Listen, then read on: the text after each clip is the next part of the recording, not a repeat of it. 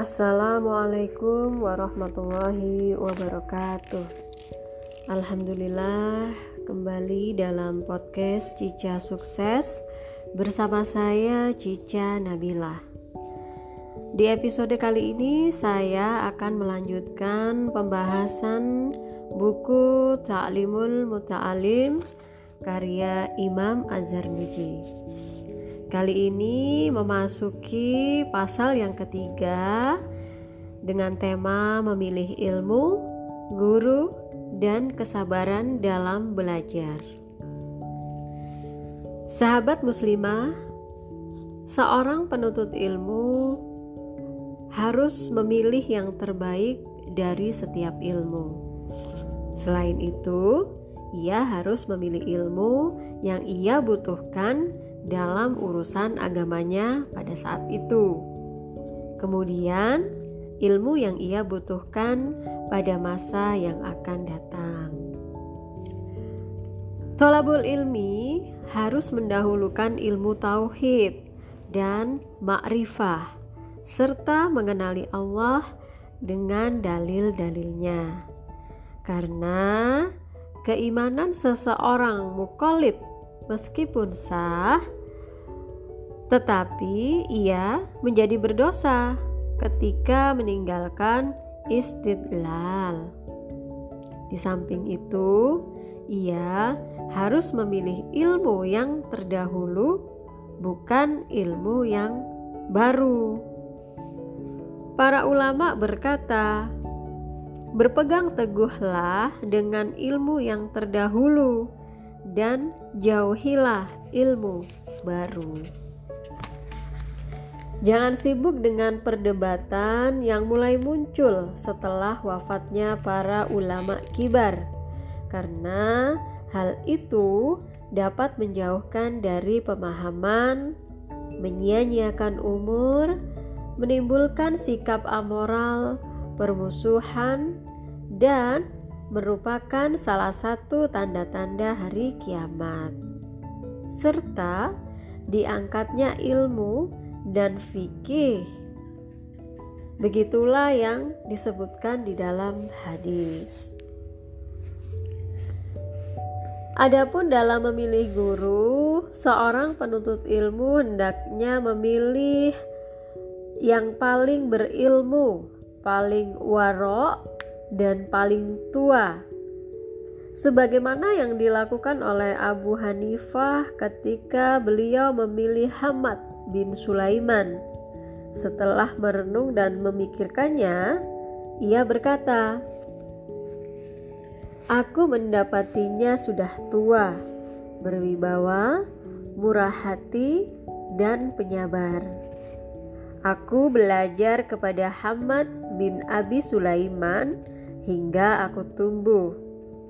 Aku pernah mendengar salah seorang yang bijak dari Samarkan mengatakan, "Ada seorang penuntut ilmu meminta pertimbangan kepadaku tentang tolabul ilmi.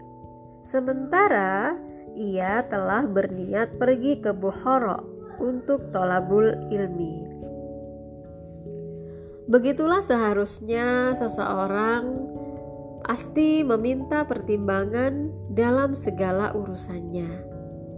Karena Allah Subhanahu wa taala telah memerintahkan rasulnya untuk bermusyawarah dalam segala urusan.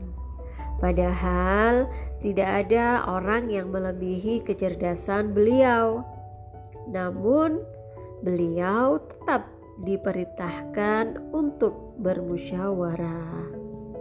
Beliau meminta pendapat dari sahabat-sahabatnya dalam segala urusan, hingga dalam urusan kebutuhan rumah tangga sekalipun. Ali radhiyallahu anhu berkata, "Seseorang tidak akan celaka karena bermusyawarah." Ada yang mengatakan lelaki itu ada tiga: lelaki sempurna, setengah lelaki, dan lelaki bukan apa-apa. Lelaki sempurna adalah orang yang memiliki pendapat yang benar dan bermusyawarah.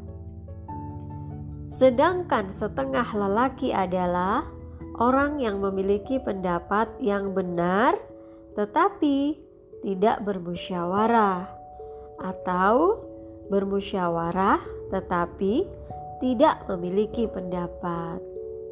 Sedangkan lelaki bukan apa-apa adalah orang yang tidak memiliki pendapat dan tidak pula bermusyawarah.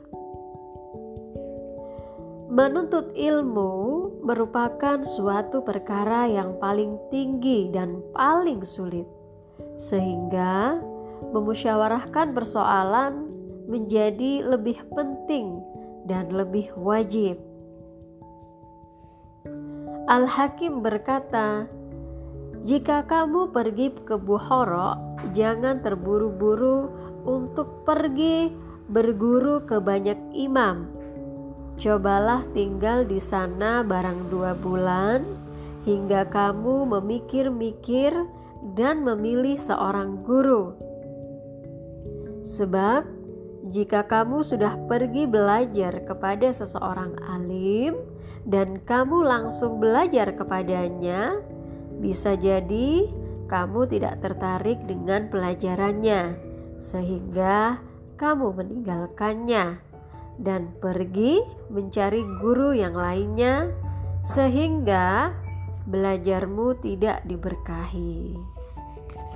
Maka, sahabat muslimah, meminta pertimbangan adalah sebuah hal yang patut untuk dilaksanakan agar bisa uh, mengambil manfaat dari ilmu dan juga belajarnya diberkahi. Perlu kita ketahui bahwa kesabaran dan keteguhan adalah fondasi yang paling besar dalam segala urusan, tetapi ia sangatlah langka pada diri seseorang.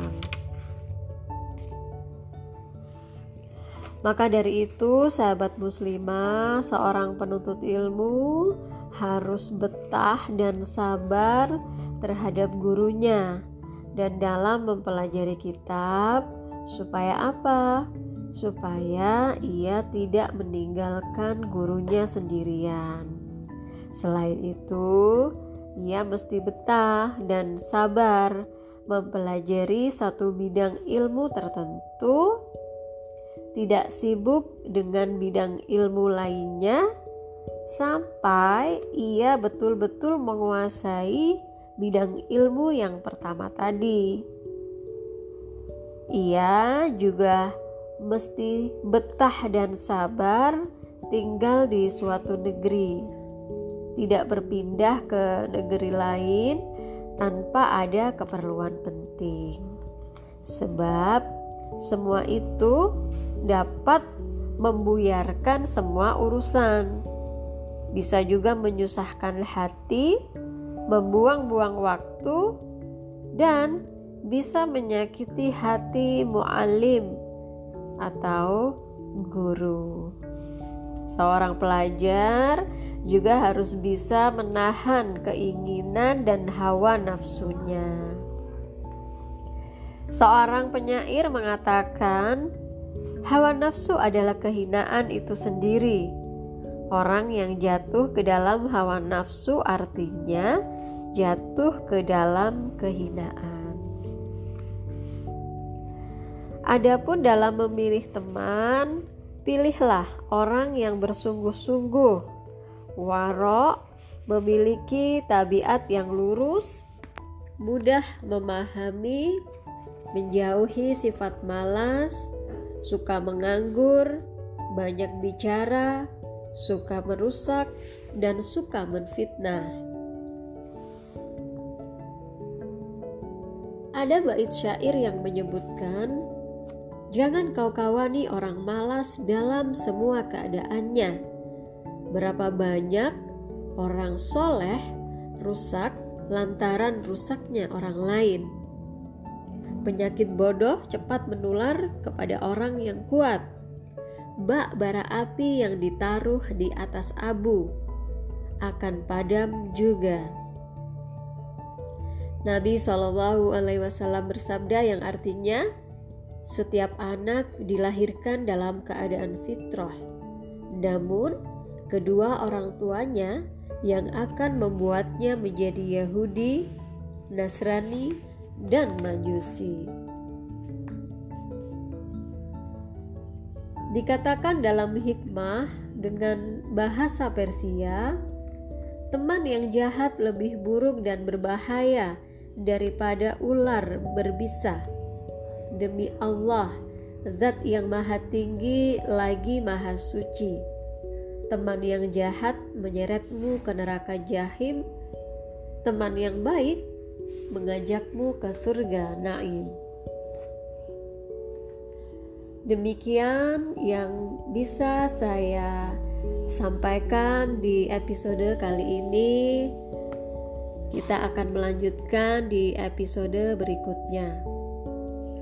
Cukup sekian dari saya. Billahi taufik wal hidayah. Wassalamualaikum warahmatullahi wabarakatuh.